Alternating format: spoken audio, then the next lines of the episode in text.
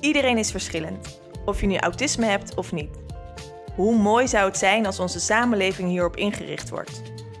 Met het project Verborgen Intelligentie zoomen we in op zeven kinderen en jongeren met autisme die niet of nauwelijks praten.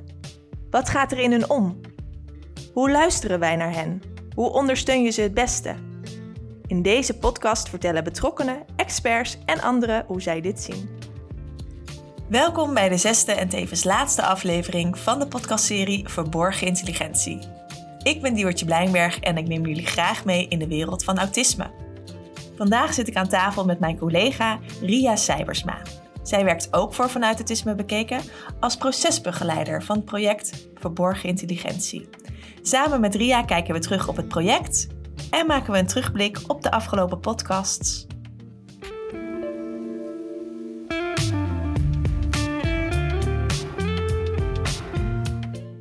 Nou, hartelijk welkom Ria. Wat gezellig dat je bij mij aan tafel bent komen zitten. Ja, vind ik ook. Ja, nou, eigenlijk heb jij bij alle afleveringen aan tafel gezeten, maar nog nooit achter de microfoon. Nee. Hoe voelt dat? Nou, dat is toch wel echt even anders hoor. dat merk ik toch echt wel. Er ligt er toch wat meer druk op. ja, en dan ga ik je ook nog eens uh, de vier vragen van het vragenvuur voorleggen. Ja. Ben je er klaar voor? Jazeker. Nou, dan begin ik met de eerste vraag. Wat is jouw link met autisme? Ja, mijn link met autisme is uh, dat ik natuurlijk bij Vanuit Autisme Bekeken werk. Maar dat gaat nog veel verder terug. Ik heb een zoon van bijna 18, die heeft autisme. En wat is volgens jou het grootste misverstand over mensen met autisme? Nou, dan begin ik toch eerst met mijn eigen misverstand. Uh, ik werd vroeger ooit gevraagd om bij een medisch, medisch kleuterdagverblijf op een groep voor kinderen met autisme te gaan werken. En mijn eerste reactie was eigenlijk: ik wil niet met kinderen met autisme werken, want daar kan je geen band mee opbouwen. Oh. Dat dacht ik echt. En inmiddels ben ik natuurlijk heel veel jaren en heel veel ervaringen verder. En kan ik wel zeggen dat met de mensen met wie ik de meest hechte band heb, dat dat mensen met autisme zijn. Welke les heb je zelf ooit geleerd van iemand met autisme? Oh, nou, ik moet heel eerlijk zeggen dat ik van mijn zoon zoveel dingen terugkrijg. Ik heb natuurlijk jaren in de hulpverlening gewerkt en van alles geleerd of gelezen of cursussen gevolgd over autisme en wat het zou zijn. Maar mijn zoon met autisme geeft me bijna dagelijks terug zo van, mam, uh, jij denkt misschien wel dat je het weet voor mij, maar het is niet zo. Dus ik leer eigenlijk nog steeds van dat je het moet vragen, dat je het niet moet invullen. Wat voor een toekomstwens heb je nog voor uh, mensen met autisme of bijvoorbeeld je zoon? Uh, ja, dan kan ik eigenlijk alleen maar aansluiten bij wat in de vorige podcast ook al is gezegd. Hè, dat iedereen zijn plek vindt. Maar eigenlijk, als ik echt heel veel verder zou denken, dan zou ik eigenlijk misschien wel hopen of wensen dat de diagnose autisme niet meer nodig zou zijn. Maar dat we gewoon met elkaar omgaan zoals we zijn. Nou, dankjewel Ria. Ja, hé, hey, maar Diewertje, ik ben eigenlijk wel benieuwd, hè, want dit is de laatste podcast. En ik zit natuurlijk aan tafel om ook nog iets over de ervaring met het project te vertellen. Zeker, zeker. Maar goed, jij bent aangeschoven bij al die podcasts. Ik ben wel heel benieuwd hoe dit vragenvuurtje voor jou is. Dus eigenlijk oh. zou ik jou de vragen ook wel willen stellen. Ja, wat is jouw link met autisme, Diewertje? Ik ga het je toch vragen. nou, mijn link met autisme is dat ik uh, zelf de diagnose heb gekregen toen ik 25 jaar was. Ja. Nou, en als ik naar jou kijk, is dat niet heel lang geleden. Hoef je leeftijd niet te noemen hoor. dat is nu bijna tien jaar geleden. Ja, nou, 25 jaar, dat is best wel een late diagnose. Late diagnose, late diagnose en een uh, lange zoektocht uh, daarvoor uh, afgelegd. Ja. ja, klopt. Ja, dat horen we vaker. Nu weet ik dat we bij het vraagvuurtje er niet te lang op in mogen gaan. Dat klopt. Hè? Dus ik ga toch weer even verder naar de volgende vraag. Maar wat is volgens jou dan het grootste misverstand dat er bestaat over autisme? ja, dat is eigenlijk ook wel de ontwikkeling waar ik de laatste tijd een beetje in zit. Um, als we aan autisme denken, denken we heel snel aan, oh, we moeten heel veel structuur aanbieden. Alles helemaal strak gepland hebben. Um, en ik ben juist nu veel meer aan het ontdekken uh, wat vrijheid kan betekenen ik probeer juist wat losser te komen van de structuur en wat meer te, te mogen leven in vrijheid. En ik merk dat dat mij, uh, mij goed doet. En dat had ik niet verwacht. Dus dan zou je eigenlijk zeggen dat, hè, dan denk ik toch even, kijk ik naar mezelf als moeder, dat we die structuur dan een beetje los moeten laten? nou, ik denk dat dat voor iedereen uh, anders kan zijn. Uh, maar voor mij helpt het in ieder geval.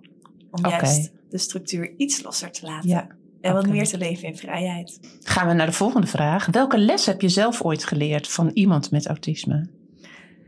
Ehm, nou, toevallig heb ik hem gisteren nog gehoord. Ehm, ik, ben, eh, ik vind het heel fijn om andere mensen met autisme te spreken. En gisteren zat ik weer in een eh, vrouwengroep eh, met mensen, met vrouwen die allemaal autisme hebben. En toen zei één iemand, die zei de zin: Als het moeten eraf is, kan ik voelen wat ik wil. Ja, en dat, dat is het voor mij. Ja, zoals de druk eraf is, Ja, dan kom je meer bij je gevoel. dan kom ik meer bij mijn gevoel en dan kan Ja. ik de keuzes maken die beter bij mij passen. Ja, Dus, eh, dus dat vond ik een hele wijze les. mooi. Daar leer je mij ook meteen weer iets mee. Dus ik herken dat ook van mijn zoon, hè, dat de druk eraf moet. Ja. Ehm, het zeg ik weer, het woord moet. Hè? Zoveel druk leggen wij elkaar dus op. ja. Hè, als ouders doen we dat ook. Ehm, ga ik even naar de laatste vraag. Welke wens heb jij voor de toekomst met betrekking tot dit thema? Ehm, ja, ik hoop gewoon dat wij in een samenleving komen waarin ehm, we nog meer open gaan staan voor elkaar en elkaar de vragen durven stellen die we hebben. En veel minder gaan invullen voor elkaar. Ik noem het nog wel eens de dusjes. Eh, als je over autisme spreekt, Mhm. dan eh, gaan mensen al heel snel ehm, bepaalde dingen invullen. Van, oh, je hebt autisme, dus je zal dit en dit wel heel goed kunnen. Of dus je zou wel niet mee willen op het feestje. Of dus... Eh, en al die dusjes, ehm, dat zijn eigenlijk allemaal beperkingen die dan op worden gelegd. En ehm, ik vind het heel erg, ja, ik zou heel erg wensen dat we in onze samenleving die dusjes kunnen loslaten en veel meer gaan vragen stellen aan elkaar. Vraag het in plaats van het invullen. Ja, en wat voor vraag zou dan passend zijn? Wat wil jij? Wat wil jij? Wat is belangrijk voor jou? Wat is belangrijk voor jou en wat is voor jou helpend? Ja. Nou, dan ronden we bij deze het vragenvuurtje af. Nou, dat is een hele, hele andere gedaan. gewaarwording Ja, zo.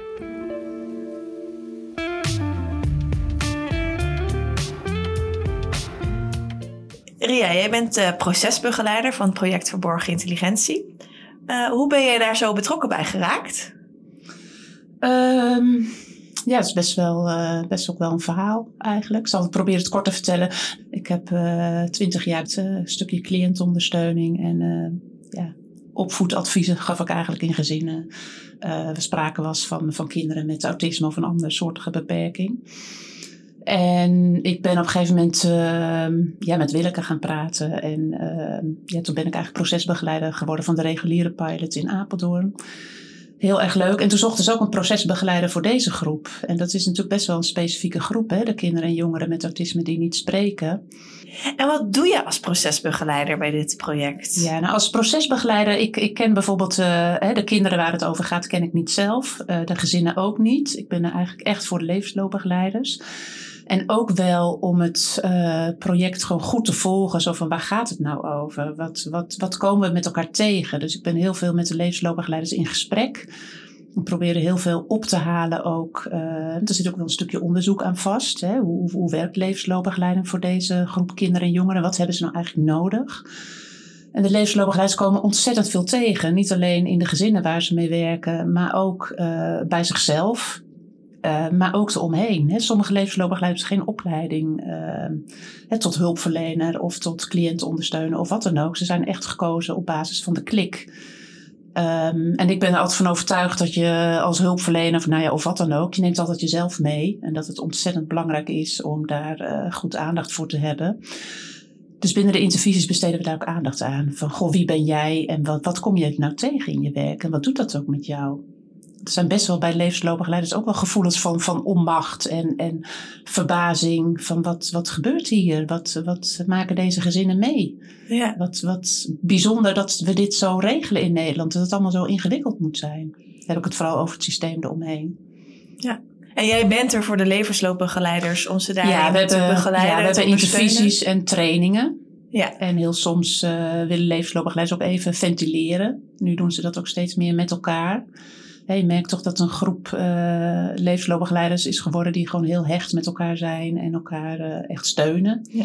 Als dingen niet lukken, um, ja, dan wordt er wat ingesproken op de app. En uh, ja, elkaar op de benen houden, om het zo maar te zeggen. Ja. Uh, merk, je een groot, wat, merk je een verschil uh, tussen, tussen levensloopbegeleiders van de reguliere pilot en dit project? Wat, ja, wat is het wel iets. Ik vind het altijd lastig om, om daar grote verschillen aan te geven. Die zijn er natuurlijk op zich wel. In de reguliere pilot hè, kan, ook, ja, kunnen ook, kan iedereen met autisme deelnemen. Hè? Dus ja. dat zijn ook, uh, daar kom je ook heel veel verschillende problematieken tegen. Die ook heel veel wisselende houdingen of kennis of wat dan ook vragen van levensloopbegeleiders. Maar deze groep, uh, merk je toch echt dat het gaat over communicatie, dat het echt anders is. Hè? Dat deze groep kinderen en jongeren wel eens vergeten wordt of anders bejegend, doordat zij niet spreken. Er is, hè, wij zijn zo ingericht met elkaar, de hele maatschappij, op het kunnen spreken. Terwijl communicatie veel meer is dan dat. Ja. Dus daar zit denk ik wel het grootste verschil. Ja. ja. Ria, waarom vind je het zo fijn om hierbij betrokken te zijn, bij dit project? Wat wil je hier zelf ook mee uh, bijdragen? Ja, ik denk wat, wat ons allemaal deelt in dit project, tenminste dat voel ik steeds van de mensen die erbij betrokken zijn, en volgens mij heb jij dat ook, is toch dat we hier met elkaar een soort gevoel hebben van deze groep wordt te weinig gezien en die wordt te weinig gehoord en we moeten hier met elkaar misschien anders naar gaan kijken en uh, we moeten misschien meer luisteren. Of, uh, en niet dat wij het allemaal weten, want we hebben al die andere professionals hebben we echt nodig. Uh, maar het gaat echt om de verhalen van deze gezinnen en het verhaal van deze kinderen. Ja. En om ze een gezicht te geven, of eigenlijk een stem te geven. Ja, precies. Eigenlijk een stem te geven. Ja. Um, en jij bent gevraagd om de podcast te presenteren. Wat maakte dat jij daar ja op zei? Heel veel nieuwsgierigheid.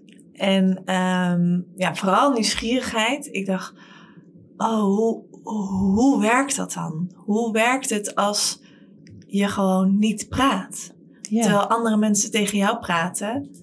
En hoe gaat dat dan? En, en wat komt er dan allemaal op je pad? Daar was ik heel erg benieuwd naar. Ja. En um, het raakte mij ook best wel vaak ook persoonlijk. Um, nu zit ik hier zo lekker te kletsen achter een microfoon. Uh, maar als klein meisje was ik uh, erg introvert en verlegen. Vooral heel erg verlegen.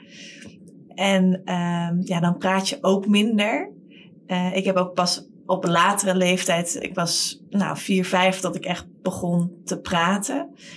Um, en ik, ik kan me het gevoel van machteloosheid, dat, dat gevoel dat je niet duidelijk kan maken wat je wil of wat je vindt of wat je nodig hebt, dat het is zo'n onmachtig gevoel. Ja. En uh, dat raakte me eigenlijk in alle afleveringen, ook wel in de podcast, dat ik dacht van, er zit een soort onmacht in al deze verhalen. En die onmacht heb ik zelf ook ja, heel lang gevoeld. Um, nou ja, ook als klein meisje, maar ook in mijn zoektocht naar, naar nou, waarom lukt het me nou allemaal niet? En uh, toen ik nog niet wist dat dat autisme was. En um, ja, dus dat, dat raakt mij nog elke keer. Ja, dat heb je mooi gezegd. En ik denk ook dat dat precies is wat we met elkaar steeds voelen, ook in deze pilot. He, zo we voelen de onmacht van de, van de ouders. Soms zie ik de onmacht ook bij de levensloopbegeleiders. He, zo van, wat moeten we nu? En de onmacht is er ook bij deze kinderen. Ja. He, zo van, wat als je niet kunt zeggen wat je wil? Ja. of wat je voelt, of wat je denkt.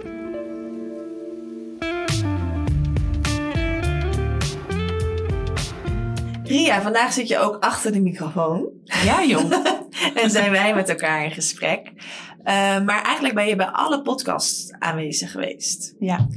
Ja, jij ja. zorgde ervoor dat nou ja, ik, ik denk, ik heb mijn taak vooral gezien als, als ook het verbinden, zeg maar, van het, van het verhaal uh, aan elkaar. En we hebben natuurlijk heel veel verhalen. We hebben de verhalen van de, van de kinderen in de pilot. We hebben het verhaal van de ouders in de pilot. We hebben het verhaal van de levensloopbegeleiders in de ja. pilot. En dan hebben we ook nog sprekers die eigenlijk ook hun eigen verhaal willen vertellen. En ook trainingen hebben gegeven aan de levensloopbegeleiders.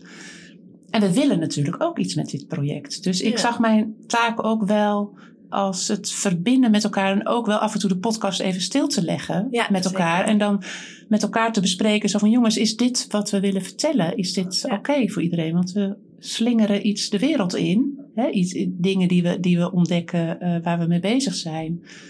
Um, En af en toe vind ik het wel belangrijk om even stil te staan en dan met elkaar te bespreken. Is dit wat we te zeggen hebben met elkaar? Ja, ja, dat hield ons heel scherp en, en ook to the point. Dus een mooie rode draad liet jij zo door het project, eh, door de podcastafleveringen heen lopen. Ja. We hebben natuurlijk, eh, ik denk dat het leuk is om die podcast even langs te lopen samen met jou. Ja, Hè, ja. Zo, om toch eens even een soort van evaluatie te doen. Hè, we merken toch dat er ook heel veel verschillende redenen zijn waarom deze kinderen mogelijk niet eh, spreken. En dat is ook wel in de podcast aan bod gekomen. Verschillende professionals die daar iets eh, over gezegd hebben. Zullen we gewoon eens begi- beginnen bij de eerste podcast? Dat was met Willeke en Bart, weet ik nog. Ja, zeker. Wat is daar jou van, van bijgeble- bijgebleven? Nou, ik weet dat ik nog best wel zenuwachtig was. Ja, ja, ja dat ja, snap ik. was, dat was de eerste keer. Het was best wel spannend.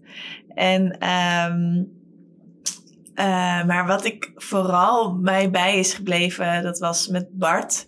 Toen Ja. ik Bart, Bart is dus de levensloopbegeleider, toen ik eh, hem vroeg over eh, hoe hij zijn rol als levensloopbegeleider aanpakt, merkte ik dat hij zo open staat. Ja, En dat ik dacht van, wauw, zo puur kijken naar een kind. hoe hij dat doet, vond ik echt bewonderenswaardig. Ja, Ja. mooi. Ik weet nog dat ik aan hem stelde van, joh, dacht je niet van, eh, waarom praten deze kinderen niet? Of eh, wat voor reden? En toen zei hij gewoon van, nee, nee, daar denk ik eigenlijk helemaal niet over Ja. na. Ze Bart zijn zoals gewoon, ze zijn. Ja, ja. Een soort volledige acceptatie zonder druk. Ja, Hè, waar het naartoe zou moeten of zo. ja, Ja, ja, dat voelde ik heel erg bij hem. Dat vond ik heel mooi. mooi. Ja, hij vertelde hè, toen ook over de tweeling hè, die hij begeleidt. Dat een van de jongens ook letterlijk zijn stem verloor. Omdat hij een operatie moest ondergaan. Ja, ik weet niet, dat is bij mij ook blijven hangen. Dat ik dacht, ja, dan krijgt hij echt de kans niet meer hè, om te Ja. spreken. Hoe is dat? Ja, Zulke grote gevolgen kan het hebben. Ook ikzelf dus ook lichamelijk. Weet je, dat die jongen die had dus waarschijnlijk al heel lang pijn aan zijn keel. Maar had dit niet eh, kunnen eh, verwoorden of uit Ja. kunnen leggen. En ehm, met tot gevolg dat uiteindelijk zo'n operatie ehm, Ja. komt. Omdat de tumor eh, eruit gehaald moest worden. ja, En dat is, ja, dat, dat, is, dat gaat natuurlijk door merg en been. ja. Ja. Ja, en ik weet dat de tweeling, dat ze nu bezig zijn met spraakcomputers voor de tweeling. Ja. Dus dat is denk ik wel mooi dat dat nu eh, eh, gaat lopen. Dus dat gaan we ook eh, toch nog volgen, zeg maar, in de toekomst. Ehm, ja, het is natuurlijk te hopen dat de tweeling daar gebruik van gaat maken. En dat ze op die manier meer stem krijgen en meer kunnen laten zien Ja. van wat hun beweegt. Ja, en alle vertrouwen in hoe Bart zijn rol daarin ja. verder gaat ontwikkelen met het Ja. tweeling samen. Zullen we een sprongetje maken naar aflevering 2? Dat was met Maartje Radstaken. Weet je dat nog? Ja, zeker. Maartje weet ik zeker nog. En ehm, ja, energie. Ja, dat, eh, dat is wat ik voelde in die afleveringen. De energie en vooral de missie dat Maartje had. Ehm, echt het recht om te kunnen communiceren.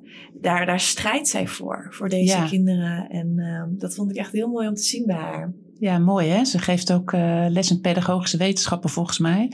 En dat is ook wat ze volgens mij de professionals van de toekomst meegeeft. Hè, zo van geef het niet gelijk op. Hè, of ga niet gelijk denken. Het kind communiceert niet of kan een IQ-test niet maken. Dus hij zal het wel niet begrijpen. Want zij zegt steeds, je weet het niet. Dat is bij mij heel erg blijven Ja. hangen. Hè. Dan hoor Ja. ik haar ook echt. Zo van, je weet het niet. Je weet het niet, ja.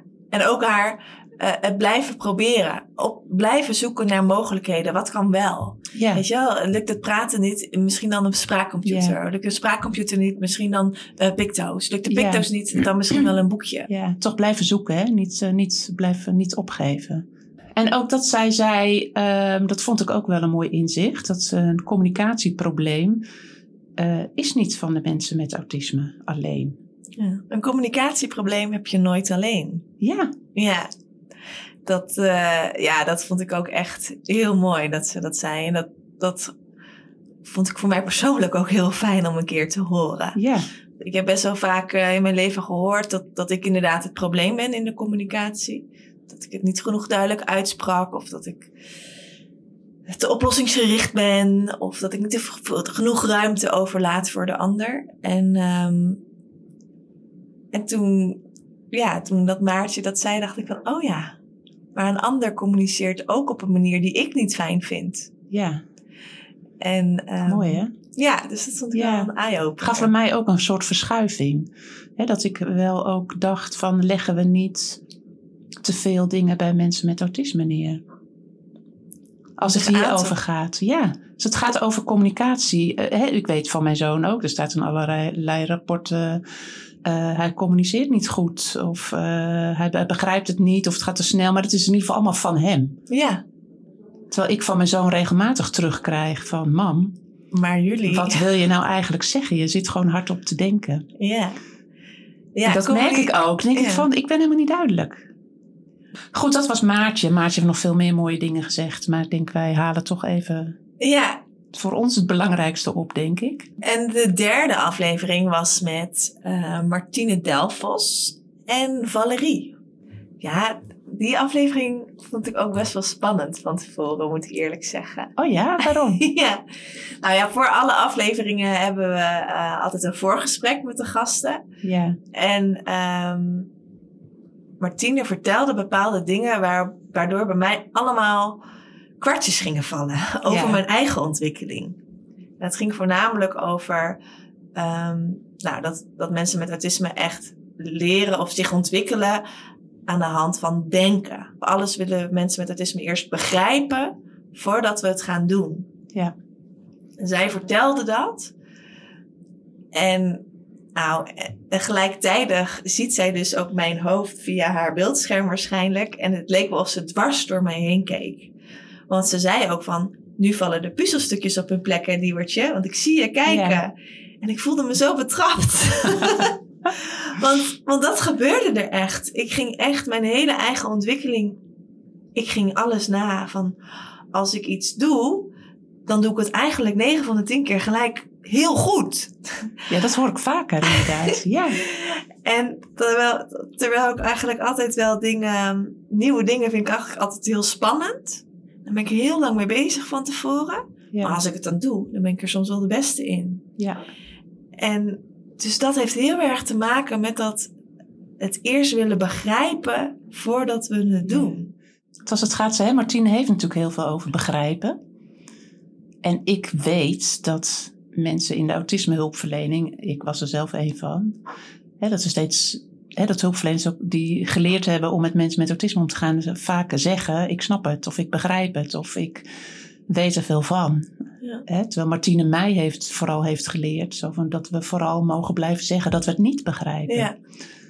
Want op het moment dat we het niet begrijpen, dan sta je er gelijkwaardig in of zo. Ik kan het niet zo goed verwoorden. Ja. Het gaf mij ook een soort opluchting. Zo van, ik hoef niet alles te snappen. Want ik merk hoe langer ik omga met mensen met autisme... of hoe meer ik heb geleerd over mensen met autisme... Hoe minder je denk, weet. Hoe minder ik het snap. Ja. En ik denk, laat dat ons uitgangspunt zijn. Dat we het niet begrijpen. Ja. Toch, je zegt, het is zo belangrijk dat iemand toch dat jou snapt of jou begrijpt. Ja, me begrijpt. En, en daar, daar open voor staat. Op een of andere manier voelde ja, ik voelde me echt gezien door haar. Ja, ja. mooi. En we hadden ook uh, Valerie toen in de podcast. Hè? Ze vertelde over haar dochtertje. Uh, het dochtertje doet ook mee in de pilot.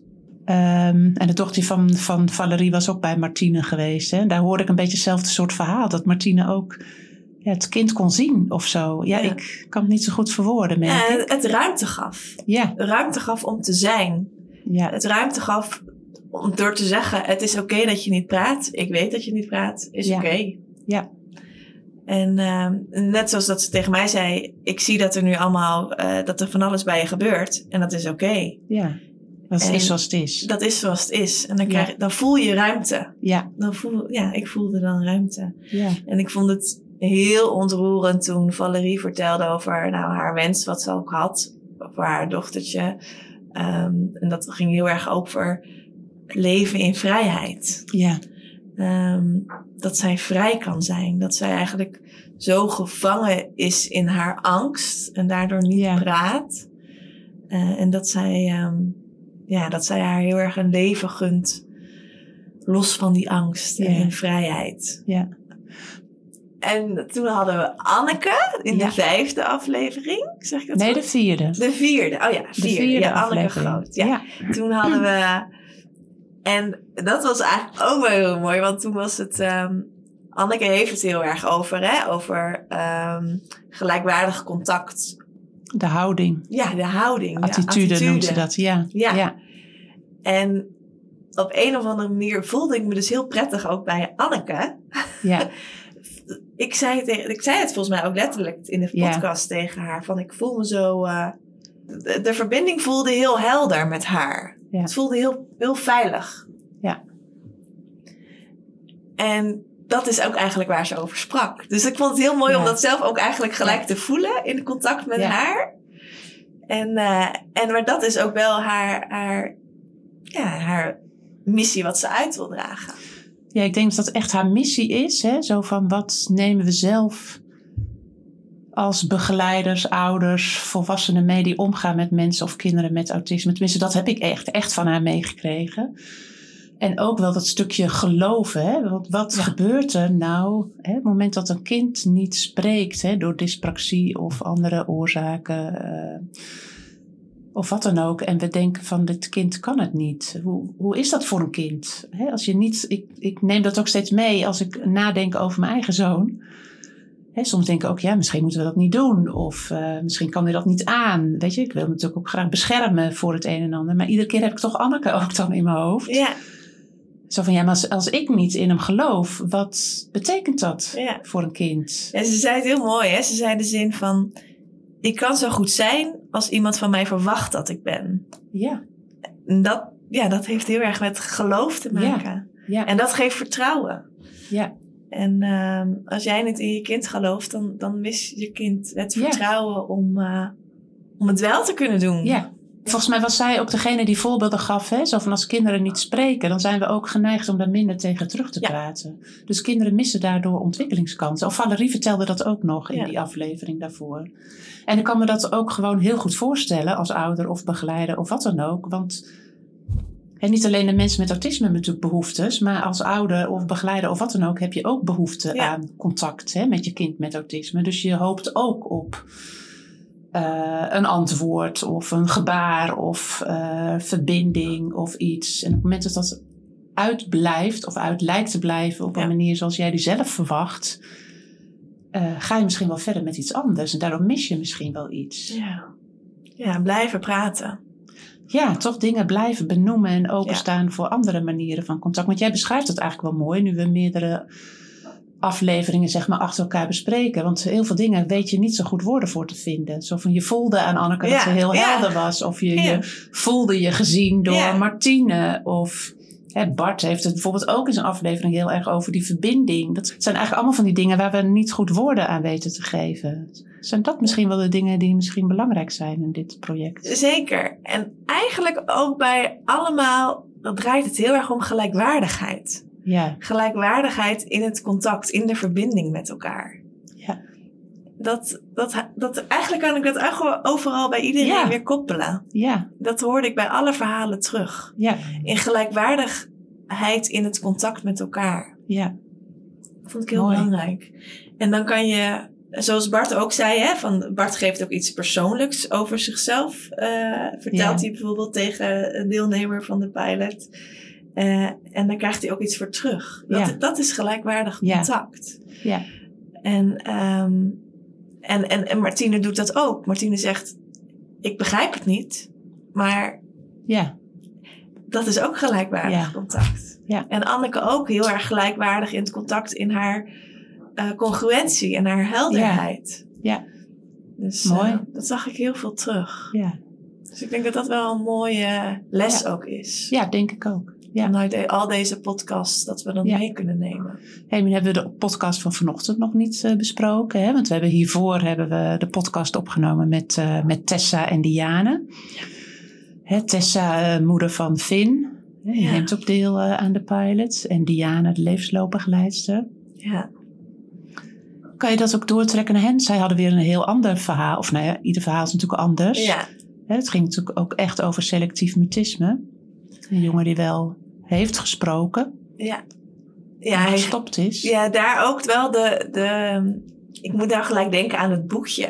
Aan het boekje, Het therapeutisch therapeutisch verhaal. boekje. Het Ja. therapeutisch verhaal. Ehm, en dat kan, kan ik ook koppelen wel aan die gelijkwaardigheid. Want hij, door dat boekje kreeg hij heel veel erkenning. Zij kreeg ook Ja. weer iets terug. Ja, het klinkt een beetje als, als over en weer en geven Ja. en nemen. En dan hebben we Dat. toch weer over die wederkerigheid. Ja, Hè? Ja. Terwijl we ook wel eens eh, een discussie hebben gehad. Hè? Of nee, geen discussie, daar waren we het wel over eens. Maar dat mensen vaak denken dat er geen wederkerigheid is met Ja. mensen met autisme. Dat is er juist wel. Ja. Ja. en het ligt er ook denk ik aan wat wij gaan geven. Ja, in het contact met elkaar. Jezelf ook meenemen. Zeker. Ja. Ik vond zelf, eh, ik ben natuurlijk ook moeder van. eh, het verhaal van Tessa raakte me sowieso. ja. Hè? En ook dat je merkt gewoon wat, wat ouders voor, voor leed eigenlijk ook Ja. hebben. Hè? Als je jaren zo aan het zoeken bent en ehm, je kind lijdt eigenlijk onder datgene wat er gebeurt. En, eh, en dan lijkt het ook net alsof we heel negatief zijn over onderwijs en al die hulpverleners.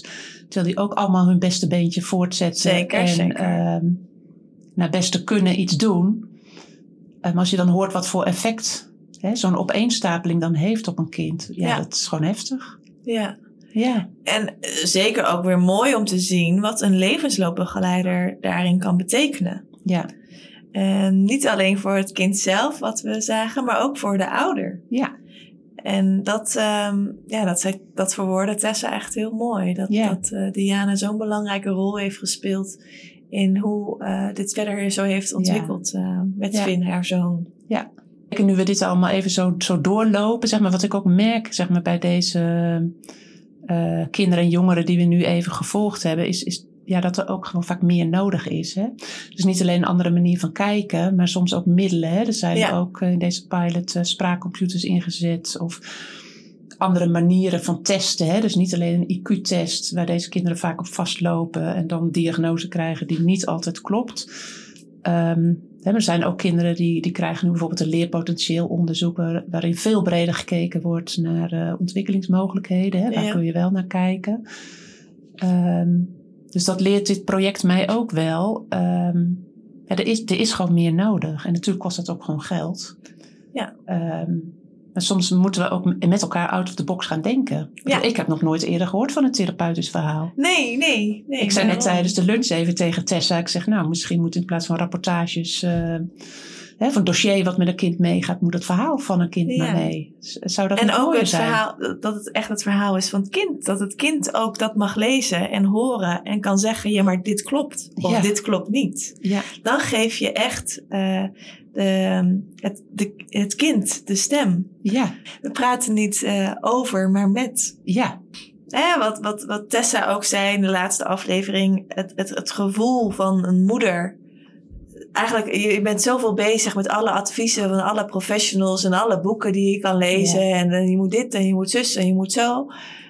En eigenlijk stilstaan van je, maar ik wil gewoon voelen wat mijn kind nodig heeft. En Ja. eigenlijk zie ik wel wat mijn kind nodig heeft. ja. Want als je moeder kan je mag dat, vertrouwen, ja. En dat je daarop mag vertrouwen. ja. Ja. Ja. Nou, Diewertje, nu hebben we eigenlijk al die podcasts even kort langsgelopen. Het was natuurlijk heel kort. Maar ik, Mhm. ik ben eigenlijk gewoon nieuwsgierig. Je bent hierbij aangehaakt. Je bent die podcast gaan doen. Heb je nou ook nog iets over jezelf ontdekt of geleerd? Bij het maken van de podcast. Ja. Ehm, nou ja, dat ik onwijze oprechte interesse heb in mensen en kinderen. En dat dat eh, in deze, ja, in, met dit project, ehm, in deze rol die ik heb hier als host, ehm, kwam dat gewoon heel mooi van pas. En heb ik daar mijn kracht van durven kunnen maken. En, ehm, en dat, dat ik het dan ook nog soms kon verbinden aan mijn eigen ontwikkeling en aan mijn eigen struggles. Ehm, Ja, dat maakt het alleen nog maar intenser. Ja. En dat ik de onmacht hoorde in sommige gevallen, in sommige verhalen. Ehm, en dat ik hoorde, als ik een levensloopbegeleider hoorde, dat ik dacht van, oh wat fijn dat er zulke mensen zijn. Of, oh dat zou ik ook wel willen als zo iemand in mijn leven was. Eh, dus, dus dat ik het naar mezelf, naar mijn eigen ontwikkeling ook sommige, sommige koppelingen kon maken, dat maakt het intenser. Ja, mooi. Wat ik gezien heb met die podcast is dat mensen dat ook gevoeld hebben. Je hebt heel mooi doorgevraagd. Eh, we konden de diepte in met elkaar. Er kwam luchtigheid. Eh, eigenlijk alles. Emoties kwamen hè, als Ja, het nodig was. Bij ons allemaal, volgens mij. Niet alleen bij de sprekers. Dus dat vond ik heel erg mooi. hè, hoe je dat gedaan hebt. En ik denk die oprechte interesse, die neem ik mee. Want ik heb het idee dat het daarover gaat bij FAP. Bij Vanuit Autisme bekeken. Ja. Dan gaat het over deze pilot of eh, hè, de reguliere pilot. Maar ik denk op het moment dat we maar geïnteresseerd zijn in elkaar. En maar blijven vragen zonder iets aan te nemen. En nieuwsgierig blijven en niet dingen vastzetten of vastleggen over het praten of over communiceren of wat dan ook. Ja. Ja.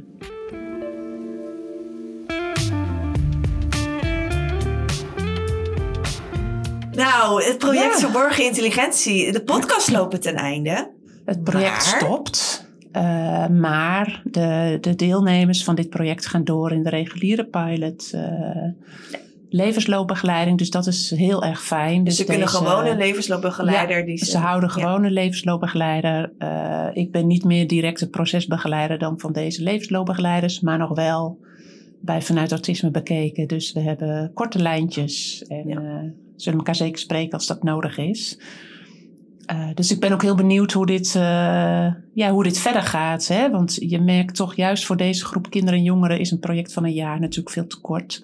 Ja. Hè, want ook in de reguliere pilot levensloopbegeleiding zien we dat contact maken, dat vertrouwen opbouwen, dat dat tijd kost. Ik denk juist als het gaat om deze groep kinderen en jongeren met autisme die niet of nauwelijks spreken, is dat nog veel meer van belang. Dat het heel veel tijd vraagt. En je ziet het nu eigenlijk net hè, dat er extra hulpmiddelen worden ingezet. En ja, de tijd moet nog gaan leren wat dat ook eh, wat het gaat opleveren Ja. voor deze kinderen. Nou, in ieder geval wat, wat we wel ja, duidelijk hebben gekregen, is dat er nog eigenlijk veel te onderzoeken is met betrekking tot deze doelgroep. En dat er eigenlijk nog heel veel te bereiken is ook Ja. voor deze doelgroep. Ja, en wat, wat, wat ik nog steeds zelf als meest belangrijke uitspraak vond, ik weet niet meer van wie die was, ehm, maar is ook dat, hè, dat als deze kinderen niet spreken, dat het niet betekent dat ze geen belevingswereld hebben. En dat het ook niet betekent dat ze dan niet denken. Nee. Dat zijn eigenlijk. Ik heb daar zelf ook nooit zo over nagedacht. Maar ik denk natuurlijk is er innerlijk van alles aan de gang bij iedereen. Ja. Het is gewoon heel belangrijk om naar hen te Ja. blijven kijken. Ja. Nou, dat was een mooie laatste podcast volgens mij, eh Diewertje. Ik wil, eh, wil jou ook bedanken. Ja, je, je voelde echt als een soort eh, ruggensteuntje bij Ja. dit project voor mij. En dat was, eh, dus ik, ik had het niet zonder jou eh, zo kunnen doen. Dus mijn dank is groot. Graag gedaan. En jij bedankt voor het leiden van die mooie podcast. Ja, ook heel graag. Ja, en het inbrengen van je eigen ervaring. Mooi. Echt, ik heb zoveel geleerd. Zoveel mooie verhalen gehoord. En ehm, ja, ik wil alleen maar iedereen oproepen. Luister naar deze verhalen. En ehm, Ja. vertel het door. Ja. De tip. Diewertje, we eindigen altijd hè, met een tip voor de luisteraar. Ja. Ik ga hem even van je overnemen deze laatste keer. Maar ongetwijfeld heb jij een tip voor de luisteraar. Ja, er zijn echt al super veel tips voorbij gekomen. Eh, hele waardevolle tips. En daar wil ik alleen nog aan toevoegen. eh, het boek eh, van Judith Visser, Zondagskind. Ja, die, ik heb hem ook. Ja, En waarom? ja waarom? Ehm, ik weet nog, ik heb haar ook een keer in, in het echt ontmoet. En, ehm, en dat was in de periode, dat was net in, in mijn diagnosetraject was Ja. dat. En toen had ik echt nog een, ehm, een ander beeld over autisme dan dat ik nu heb. En toen, ik weet nog heel goed dat ik haar zag. En dat ik dacht, oh, maar als zij autisme heeft, oh, dan heb ik het misschien eigenlijk ook wel. Dan kan ik het ook wel hebben. Ja? ja, dat had ik heel erg bij haar. En ze gaf me ook hoop, weet je? Want het dus, dus nou, ja, dat vond ik heel mooi. En ook en toen, toen daarna pas ben ik haar boek gaan lezen. Eh, en haar eerste boek, dus Zondagskind, gaat echt over eh, een meisje met autisme. Ja. En ehm, heel introvert, heel verlegen. Ja. Nou, dat, dat, ja, dat herkende ik mij zo in. Dus dat is mijn tip. Zondagskind Ja. van Judith Visser. En ze heeft ook nog Zondagsleven geschreven. Vond ik ook heel mooi. Mooi. Ja, mooi. En eh, jouw tip, Ria? Heb jij nog een mooie kijk, Ja. luister of leestip? Nou, ik weet je, er zijn al zoveel boeken genoemd. En eigenlijk als mensen me vragen van welke tip wil je geven, wat ik, ja, dan wil ik eigenlijk iets meegeven wat ik zelf geleerd. Ik heb natuurlijk jaren in de hulpverlening gewerkt. Ja. En heel veel geleerd over autisme, heel veel gelezen over autisme. Maar sinds ik zelf een kind heb met autisme, heb ik eigenlijk ontdekt dat je het gewoon ook niet mag weten. Dat het ook oké is. Ja. En dat het misschien wel mooier is om mee te beginnen dan met allerlei kennis die je in je hoofd hebt. Want het gaat toch om het ervaren en het vragen. En nou, je had het net over die oprechte interesse en nieuwsgierigheid. En ik denk dat het daarover gaat. En ik had eigenlijk nog een tip. Eh, mag ik er twee geven? Nou, vooruit. Omdat jij het bent en omdat het de laatste aflevering is. Nou, dat vind ik eigenlijk ook wel een hele belangrijke tip. Ook vooral voor professionals. Ik was vroeger ook zo'n professional. Ik deelde eigenlijk nooit iets van mezelf. Ja. Totdat mijn zoon uh, op school vastliep. En toen zei de orthopedagoog van school: van goh, ik kan wel iedere dag aan het einde van de dag even tien minuutjes met hem gaan zitten. Dan kan hij even ventileren uh, waar hij mee zit. Mm -hmm. En ik zei dat tegen mijn zoon, want ik vond het als moeder vond ik het hartstikke fijn. Want ja. ik denk van dan is hij niet helemaal vol als hij thuis komt. Dus dan zei ik tegen mijn zoon, nou je kan iedere dag kan je uit school wel even met uh, nou ja, mevrouw die en die, ik weet niet meer ineens meer hoe ze heette. Dan kan je tien minuten even zeggen nog waar je tegenaan bent gelopen. Ja. En toen zei mijn zoon, ja dat ga ik niet doen. Meteen hè, dat ja. ga ik niet doen. En ik dacht, waarom niet? Hè? Is iemand die hulp aanbiedt. En hij zei, maar ik ken haar helemaal niet. Nee. En toen dacht ik, oh ja, dat is natuurlijk ook zo. Ik ga ook niet mijn hebben en houden en ingewikkelde, kwetsbare toestanden met iemand delen die ik die niet je ken. helemaal niet kent. Ja, dus het is heel dus belangrijk. mijn tip is eigenlijk Ja. van deel iets van jezelf. Ja. En ik heb haar ook de tip gegeven, vertel iets over jezelf. Anders kan je geen wederkerige relatie opbouwen. geen wederkerigheid, geen gelijkwaardigheid. Ja, en dat zie je Ja. eigenlijk ook in deze pilot, dat levensloopbegeleiders ook dingen over zichzelf delen. En natuurlijk niet alles en, en ook wel weer met mate, maar laat iets van jezelf zien. Ja. Ja, Dankjewel. Dit was de aller, allerlaatste aflevering van de podcastserie Verborgen Intelligentie. Ik wil jullie allemaal enorm bedanken voor het luisteren. Eh, ik hoop dat wij eh, de kinderen en jongeren met autisme die niet spreken, door deze podcast toch een stem hebben kunnen geven. Dank jullie wel voor het luisteren.